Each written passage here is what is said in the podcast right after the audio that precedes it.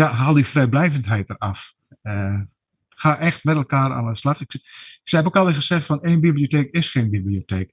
Je moet een netwerk van bibliotheken hebben. Daar zit de kracht in, in het, in het netwerk, maatschappelijk gezien.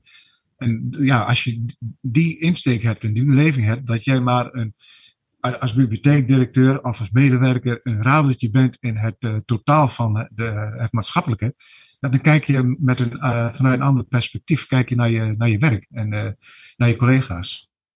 Podcast De Biep is Meer gaat op zoek naar de toekomst van openbare bibliotheken en hoe zij bijdragen aan de maatschappelijke uitdagingen van deze tijd. Met nieuws uit de sector, spraakmakende gasten en verrassende thema's word je meegenomen in de wereld van leesbevordering, digitaal burgerschap en participatie. De Biep is Meer is een initiatief van Matt Gubbels die jou wil informeren en inspireren. Hij gelooft in de kracht van podcasting en het verhaal van de bibliotheek.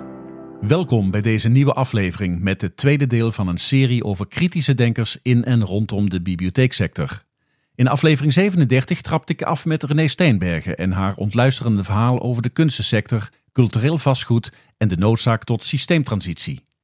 In deze aflevering spreek ik met Jouke Bethlehem, gepensioneerd bibliothecaris uit het Hoge Noorden en zeer actief op LinkedIn met scherpe op- en aanmerkingen over van alles en nog wat.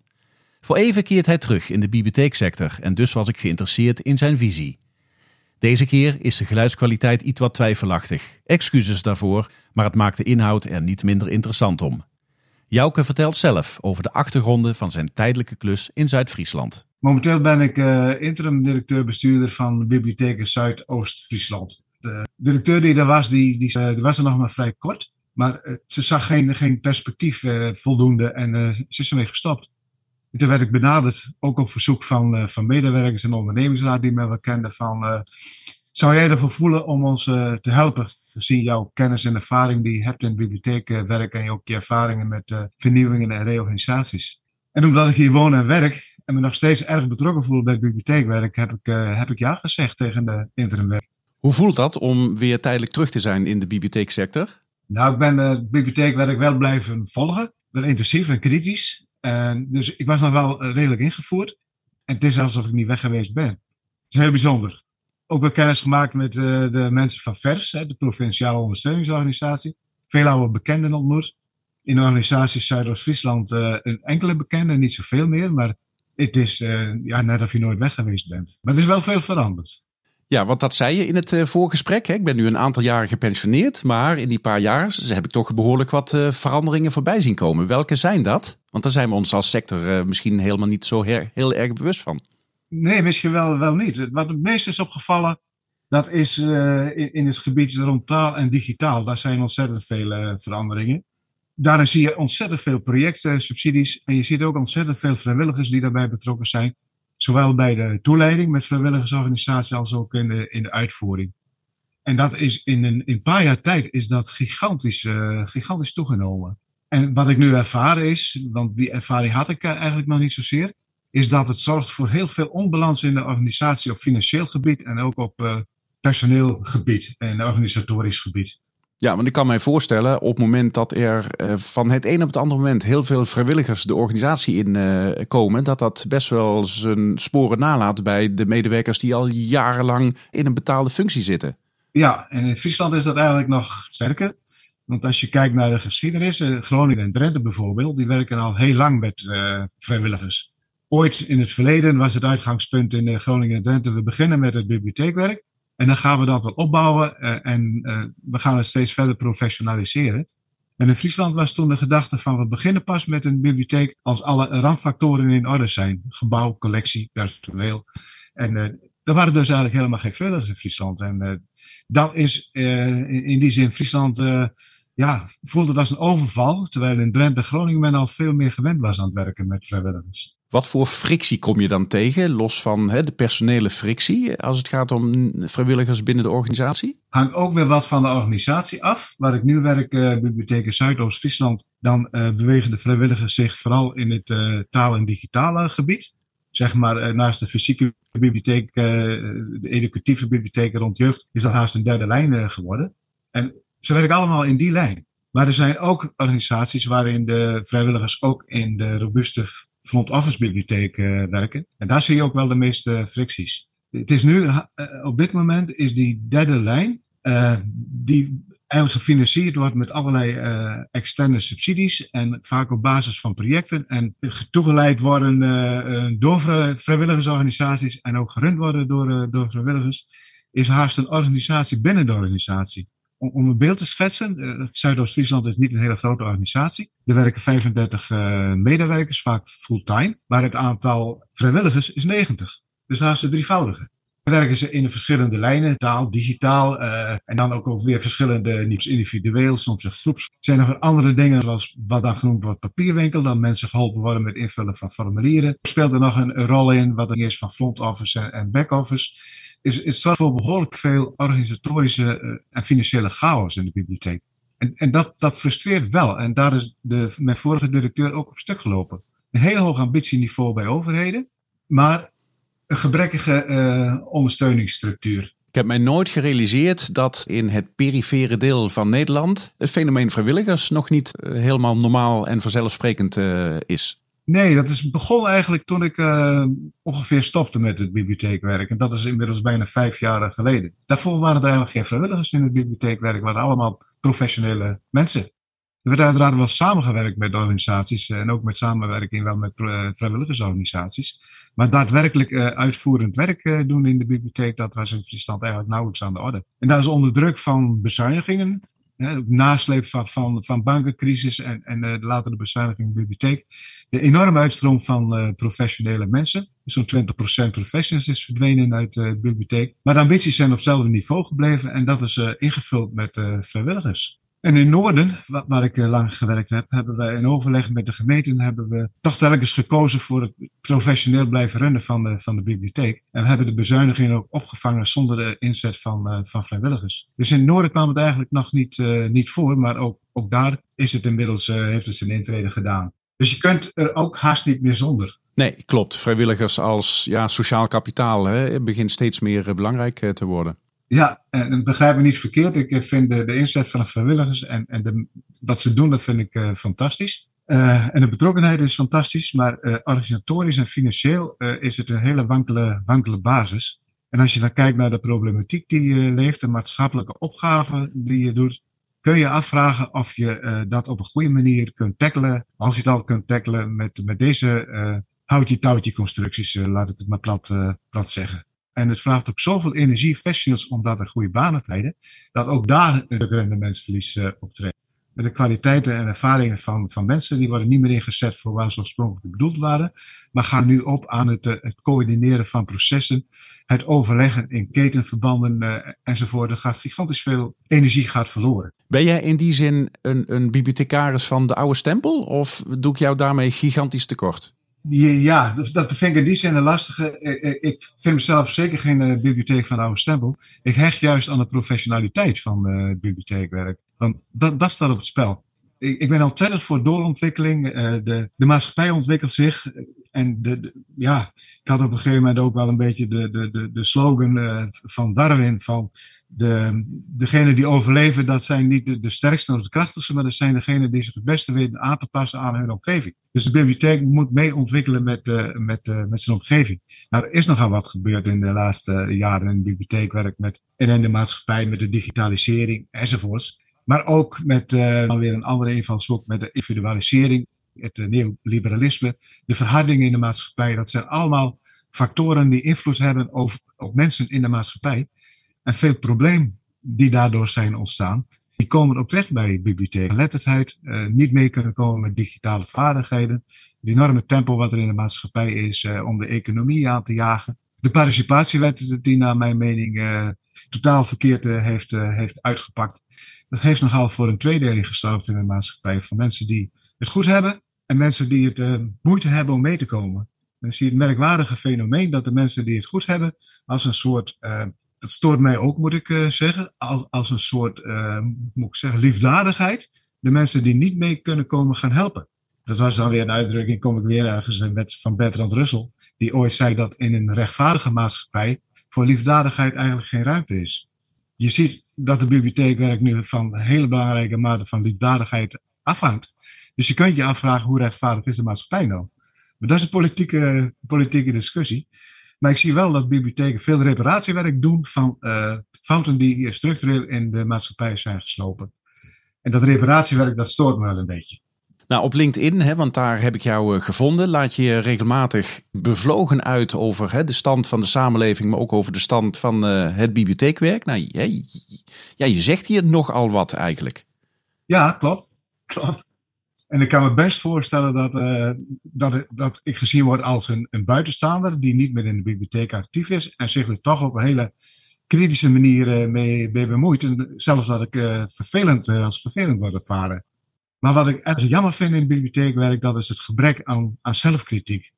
En wat ik op LinkedIn ook vaak zie, is een, een soort applausmachine van iemand die heeft weer uh, iets creatiefs bedacht en die slingert dat de wereld in en vervolgens staat iedereen te applaudisseren. Terwijl ik denk van, het, het, functioneert in een belangrijke mate ook van mensen zich profileren, individu, als iets unieks wat specifiek is voor de situatie.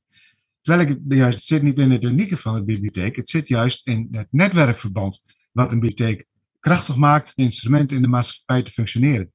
En dat mis ik. Het is te veel individueel en te veel uh, gefocust op de eigen situatie en te weinig op de cultuur uh, in, de, in bibliotheekland.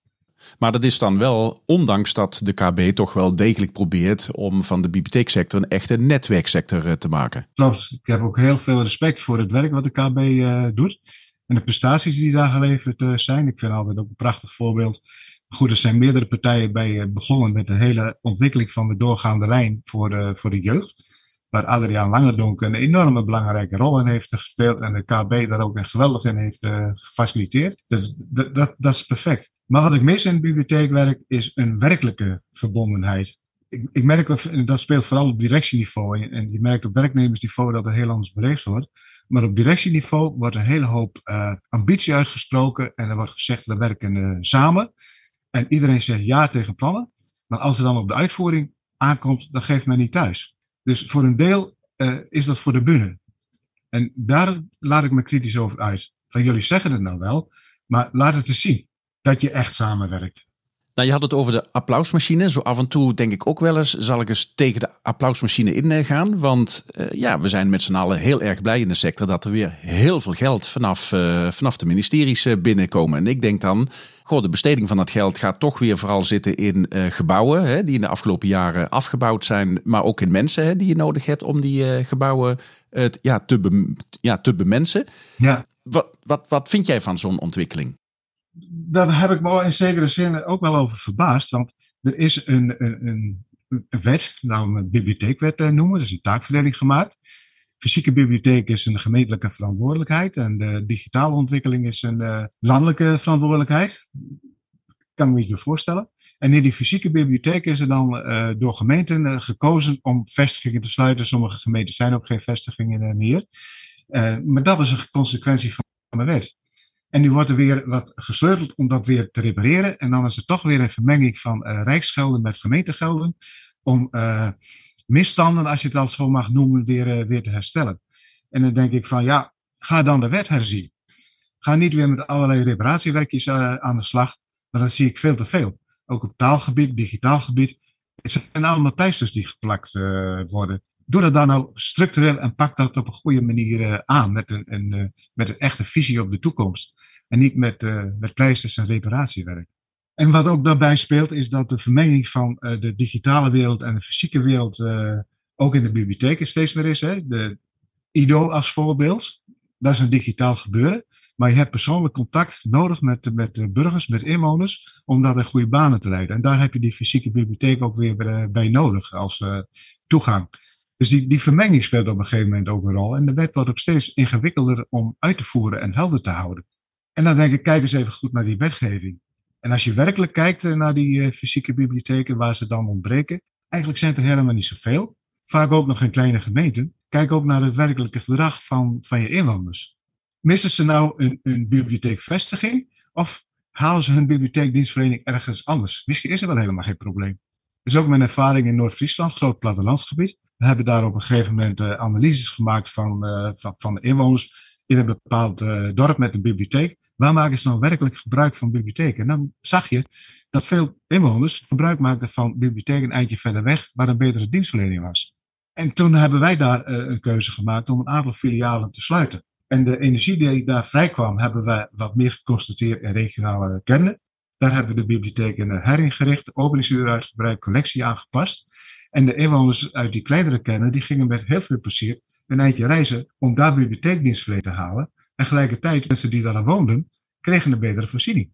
En voor kinderen, mobiliteit speelt daar een rol. Voor kinderen was onze redenering, breng het zo dicht mogelijk bij. Dus overal waar we een vestiging hebben gesloten, hebben we hem op school met een uitleeffunctie weer ingericht. En voor de mensen die niet mobiel zijn, hebben we een boekendienst aan huis georganiseerd. Dus het zit niet altijd in een gebouw, het zit in uh, het totaal aan dienstverlening. En dan moet je goed onderzoek doen. Dat is het werkelijke gedrag en de werkelijke behoeften van, uh, van de inwoners. En die is dan soms anders dan uh, verondersteld wordt. En dan gebruik je de verkeerde oplossing. Ben je een beetje bang dat we als bibliotheeksector weer achter de subsidies aanlopen die nu rijkelijk vloeien? Ja, zeker. Zeker. En ik zie straks ook weer in het bibliotheekland een, een strijd en een richtingenstrijd ontstaan van, ja, ik ben een plattelander, hè, om het zo maar te zeggen. Maar ik zie bijvoorbeeld veel meer problematiek in de wijken in steden. Wat bibliotheekdienstverlening betreft. En wat maatschappelijke problematiek betreft. Uh, je moet altijd voor ogen houden wat je, wat je doelen, wat je ambities zijn. En, en, daar moet je naar handelen. Het is niet het verspreiden van gebouwen over uh, Nederland en dan gaat het vanzelf goed. Dat is, dat is, uh, zo werkt het niet. En hoe kijk jij dan aan tegen de NPO-gelden die rijkelijk naar scholen vloeien om de achterstanden die opgelopen zijn tijdens corona, om die in te halen? Wij zien hier en daar ook enorme personeelstekorten uh, zijn. En dat het probleem niet in de kwaliteit van het onderwijs, maar aan het gebrek van mensen. En dat heeft ook als gevolg dat het onderwijs slecht wordt. Dat taal rekenen en, en, en dat me, kinderen met een lager niveau van school vertrekken. Maar dan is de oplossing niet mobiele brigades invliegen, want het zit niet in de kwaliteit van het lerarenteam. Het zit gewoon aan een gebrek aan, uh, aan mensen in dat, dat team. En dan kan ik me de kritiek van, van schooldirecteuren wel voorstellen van dit is weer het plakken van een pleister. Laten we nou eerst zorgen dat wij onze formatie goed op orde hebben. Dat we ons werk ook op een goede manier kunnen gaan, gaan doen. En de andere kant van het verhaal, dat vind ik dan het positieve. En dat speelt in het bibliotheekwerk ook wel. Je gaat zo op in je werk dat je daarin de innovatieruimte haast niet meer, meer hebt soms. En dan is het wel handig dat er eens een keer mensen van buiten komen en dus naar jouw organisatie kijken en dan met de vraag van hoe kunnen we jou helpen? He, niet van bovenaf bepalen van hoe het moet, maar hoe, hoe kunnen we jou helpen om nieuwe ontwikkelingen of nieuwe methodes of wat dan ook in de organisatie in te brengen. En dat is wel waardevol. En dat zie ik ook wel als waarde van al die projecten die vanuit het Rijk en via de KB of via andere organisaties als bibliotheekwerk inkomen. Dus die innovatiekracht, dat vind ik een erg belangrijke. Maar het zijn vaak stadssubsidies. Je gaat ergens mee aan de slag. Je hebt het voor één jaar of twee jaar. Er wordt tijdelijk formatie op, uh, opgezet. En dan is het project afgelopen.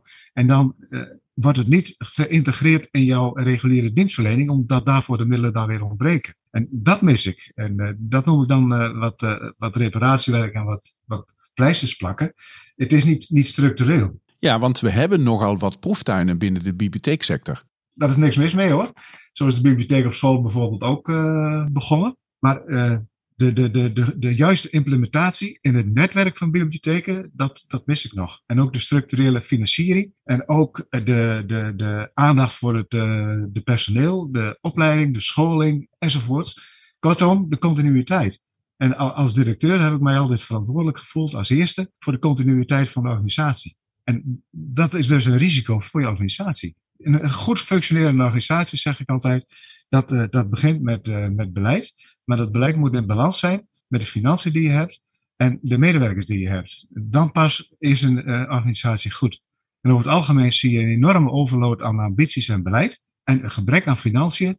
En een gebrek aan in de organisatie om dat goed, goed in te bedden. Met opleiding medewerkers enzovoort. Dus je moet die balans weer zoeken. En die is behoorlijk verstoord. Als ik jou zo hoor, dan moet ik toch terugdenken aan de gesprekken die ik hè, in het kader van mijn podcastserie heb gehad met Jos de Bij, met Peter van Eyck. Hè, mensen die niet alleen mooie verhalen vertellen, maar ook hele mooie vergezichten voor de sector schetsen. Hè. Vergezichten in de zin van ja, die bibliotheek is meer dan een boekenclub. Is natuurlijk op weg naar een maatschappelijke bibliotheek.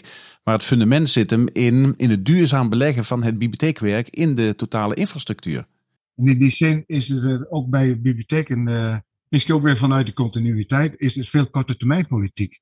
Er lopen mensen rond in de bibliotheekwereld die niks anders doen dan subsidies binnenhalen. En dat, ik denk, ja, oké, maar met welk doel, waarvoor en hoe gaat het in de organisatie? En die hebben hun taak afgerond op het moment dat er weer geld eh, binnenkomt. Maar je moet anders denken. Van welke richting wil je uit en wat past in, in, in die opbouw, in die, eh, die richting? En dat past uiteraard geld bij en de vernieuwing past daarbij. Maar haal alleen uh, zaken binnen, geld binnen en projecten binnen die passen en later geïntegreerd kunnen worden in jouw reguliere dienstverlening. En dat mis ik, die structuur. Die, die, die, uh, het is te hyperig allemaal. Willen scoren. Ja, want, want, want, want hoe zou je dan van hè, die, die vele proeftuinen die we binnen de bibliotheeksector hebben, die eh, in, in, in de kern natuurlijk best wel goed zijn, want je moet soms kunnen experimenteren hè, om uh, tot iets uh, te komen. Um, hoe zou je nou van, van, van die vele proeftuinen naar zo'n zo'n zo'n ja, duurzame lijn kunnen komen? Ik zie wel dat er meer samenhang aan het groeien is binnen de VOB, maar ook wel, wel landelijk. En er wordt wel gezocht uh, naar afstemming. Maar uh, ik zie aan de andere kant toch ook nog wel veel uh, vrijblijvendheid. En dan wordt me wel eens verweten, ja, ja, jij denkt de structuren. Ja, ik zeg, het gaat me helemaal niet om de structuur. Het is wel voor iedereen reuze handig dat je een structuur hebt, dat er helderheid en duidelijkheid is.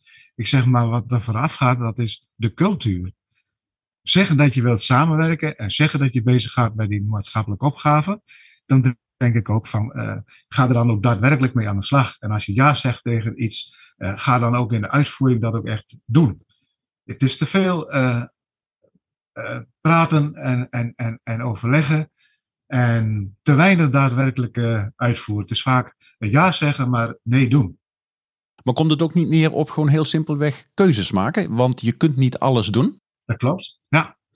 En een van die keuzes zou ook kunnen zijn, want ik ben ook wel geschrokken van de. Het herstelt zich wel weer hoor. Maar er is natuurlijk een trend dat uh, het aantal uitledingen, het aantal leden enorm afneemt. Toen ik in, in, de bibliotheek werd, was 1975. Nou, daarna hebben we een enorme boost gehad in het aantal leden door de contributievrijdom ouders die daar ook aan mee uh, kwamen. We hadden de handen vol om dat een goede banen te leiden. Automatisering heeft ons erbij uh, geholpen. En op een gegeven moment zaten we op een uh, gemiddeld niveau van tussen de 25 en de 30 procent van de inwoners van Nederland was, was lid.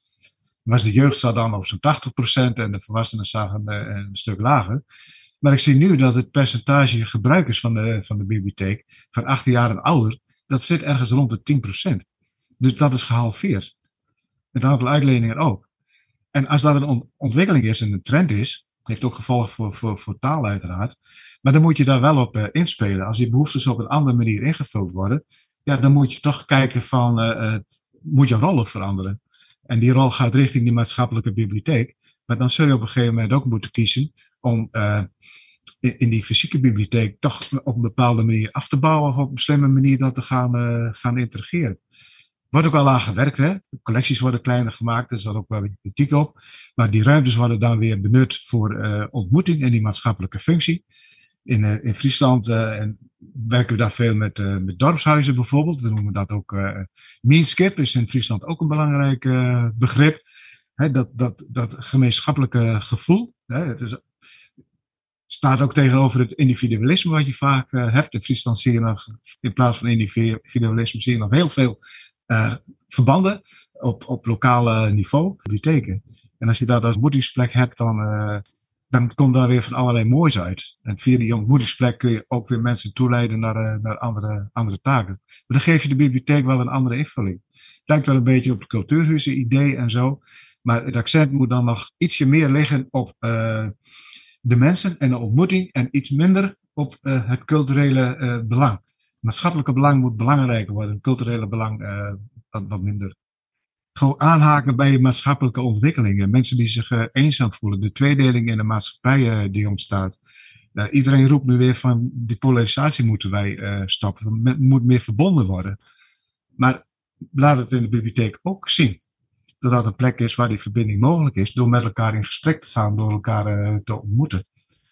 Ja, en in die zin zou de bibliotheek dus eigenlijk een ja, verlengstuk kunnen zijn van ja, het sociaal beleid van onze Rijksoverheid, van de gemeentelijke overheden. Want het zijn allemaal thema's die je aanstipt, ja, die gewoon spelen op dit moment. Klopt, en er spelen op allerlei manieren een uh, zaken een, een rol. De accent ligt uh, heel veel op economie en de bijdrage die mensen kunnen leveren aan, aan groei en aan economie. Daar staat ook eh, langzamerhand discussies over. En je ziet nu ook bij de jeugd dat het belang van arbeid uh, minder hoog wordt uh, gewaardeerd. Het is ook moeilijk om mensen te motiveren om nog fulltime of 60 of 80 uur te gaan, uh, gaan werken. Er is meer in de wereld om te beleven, bij wijze van spreken. nou ja, het is ook een bepaalde, bepaalde trend, maar ook een bepaalde manier van afzetten ook tegen het puur alles economisch beoordelen en op rendement. Dus meer kijken naar welzijn en geluk. Ja, en dan hebben we het toch over een, uh, dan, dan hebben we toch over een behoorlijk andere insteek. We zeggen wel dat we als maatschappelijke bibliotheek willen functioneren, maar zijn we echt bezig om die maatschappelijke vraagstuk ook echt op te lossen of daar een bijdrage aan te leveren? Ja, nee, dat, dat klopt. En het een hoeft het ander niet uit te sluiten hoor. Nee. Als voorbeeld uh, wil ik hier ook nog wel eens uh, in de bibliotheek Zuidoost-Friesland aan de orde stellen, is bijvoorbeeld het, het toeleiden van laaggeletterden of waarom niet intensieve samenwerken met het sociaal domein van de gemeente? Die hebben al hun mensen in, eh, in beeld, die weten wat de problematiek is en die zouden daarin gericht kunnen sturen. En, maar dat is ook allemaal vrijblijvend. Eh, die, die samenwerking is niet goed. De samenwerking wordt meestal gezocht juist met andere welzijnsorganisaties. Waarom niet een gesprek met ondernemersverenigingen bijvoorbeeld? Want op de werkvloer komen werkgevers ook problemen tegen met de inzetbaarheid en employability van, uh, van hun medewerkers. Klopt. dus zou je misschien kunnen denken van, daar zit je ook weer op die economische toer. Maar ik zie gewoon dat werknemers daardoor ongelukkig worden en in de verdrukking komen. Dus als je ook via werknemersorganisaties en bedrijven uh, mensen kunt, uh, om cursussen te gaan volgen, dan help je die mensen toch ook om weer beter in de maatschappij te staan. Het blijkt ook als je onderzoeken van lage datheid uh, ziet, zijn er ook heel veel werken die dat uh, hebben. En uh, het sociale domein precies hetzelfde. en daarmee kun je ook voorkomen dat mensen in de problemen komen. Daarmee help je ook om de polarisatie te verminderen. En het populisme in de maatschappij en het vertrouwen in de politiek. Dat, dat werkt op allerlei manieren door. Maar je zou de toeleiding wel ontzettend veel kunnen versimpelen door je te concentreren op die twee toeleidingsniveaus bijvoorbeeld. Nu gaan we overal met hagel schieten. Via allerlei vrijwilligersorganisaties. En we zien wel wie binnenkomen. We gaan met bakfietsen de regio in. We hebben een uurtje spreekuur in het dorpshuis. We van alles geprobeerd. Vind die experimenten prima. Maar het is allemaal schieten met hagel. En dan maar zien wie er binnenkomt. Maatschappelijke effecten zijn niet, uh, niet meetbaar. Hoeft ook niet altijd. Hè? Maar uh, het is zo, zo, zo uh, ja, die proeftuinen om het daar maar over te hebben, leiden weer tot nieuwe proeftuinen. En het wordt wel tijd om daar structuur in eh, te brengen, ordening in te brengen en, en samenhang in, uh, in te brengen. Zoveel ervaring en kennis. Uh, dus ook zoiets heb ik me ook wel aangestoord, andere invalshoek hoor. Maar certificering bijvoorbeeld van bibliotheken. Ik heb diverse certificeringstrajecten meegemaakt en iedere keer wat met een andere insteek. En iedere keer vroeg ik van wat gebeurt er met al die certificeringsrapporten? Dus er zit zo gigantische kennis wordt opgehaald uit alle bibliotheekorganisaties in heel Nederland. Is daar niet iets uit te halen? Is er niet een algemene lijn? Zit er niet een trend? Wat zien jullie, zien jullie, signaleren uh, jullie allemaal? En dan wordt er gezegd, ja, privacy, kunnen we niks mee doen. Dat mag niet. Nou ja, ik denk, jongen, er ligt zo gigantisch veel kennis daar. Waarom doen we daar niks mee? Met als gevolg dat ik ook uh, die, die certificering altijd heb gezien als iets wat je even moet doen. En eigenlijk uh, was je blij dat het maar weer achter de rug was en dat de mensen weer vertrokken waren, want dan kon je weer aan het, uh, aan het werk. En de effecten ervan was, dat was 0,0. Ja. En, en, en toch, Jouke, hè, ik ben zelf in de beginperiode van de certificering ben ik betrokken geweest en op dit moment ook met de vierde ronde. Um, als ik het begin van certificering uh, vergelijk met nu, dan denk ik, wauw, er is toch best wel behoorlijk veranderd. Want toen we begonnen met certificeren, was er nog vrijwel geen enkele bibliotheek die een uh, goed uh, beleidsplan beschikbaar had. Ja, het heeft wel meegeholpen aan, aan ontwikkelingen, maar je haalt er lang niet uit wat erin zit. Dat is ook weer dat individuele en dat vrij, vrijblijvende. Ik vind niet zonder dat er zoveel kennis is en dat er niks mee gebeurt. Terwijl juist die, die behoefte om elkaar te helpen en te informeren aan de ene kant erg groot is. En aan de andere kant zijn er ook weer heel veel bibliotheekdirecteuren die zich liever terugtrekken in hun eigen organisatie en lekker hun eigen gang uh, gaan. En geen, juist geen bemoeienis willen hebben met die mensen van, uh, van buiten. Maar ja, ik, dat is jammer. Ik vind het gewoon jammer. Als, gewoon als voorbeeld hoor. Ik zet het misschien wat, wat, wat scherper aan. Maar daar liggen kansen die onbenut blijven doordat de intentie om echt samen te werken ontbreekt. Ja. Nou, en daarom vond ik het heel leuk om met jou gesproken te hebben. Want Um, je zei al eerder, het wordt me niet altijd in dank afgenomen dat ik kritische geluiden binnen de sector loslaat. Maar eigenlijk hè, zeg je van nou, haal meer uit datgene wat er al ligt. Want er ligt heel veel. Ja, klopt. Klopt. Ja, ja haal die vrijblijvendheid eraf. Ga echt met elkaar aan de slag. Ik, ik heb ook al gezegd van één bibliotheek is geen bibliotheek. Je moet een netwerk van bibliotheken hebben. Daar zit de kracht in, in het, in het netwerk, maatschappelijk gezien. En ja, als je die insteek hebt en die beleving hebt, dat jij maar een, als bibliotheekdirecteur of als medewerker een radertje bent in het uh, totaal van de, het maatschappelijke, dan kijk je met een, uh, vanuit een ander perspectief kijk je naar, je, naar je werk en naar je collega's. Ja. Nou, ik troost me in ieder geval met de gedachte, want dat is de wetenschap die ik denk te hebben, dat de KB en de VOB in ieder geval bezig zijn om stappen daarin te zetten. En ik denk dat heel veel van die proeftuinen, ik heb daar soms ook wel moeite mee.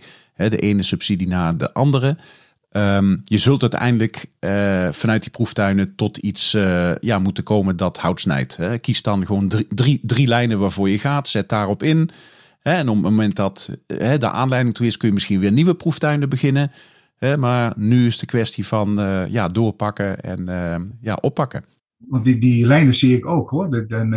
Dat het ook behoorlijk strak, om zo maar te zeggen, neergezet wordt. Vanuit de landelijk en ook vanuit de VOB en ook uh, lokaal.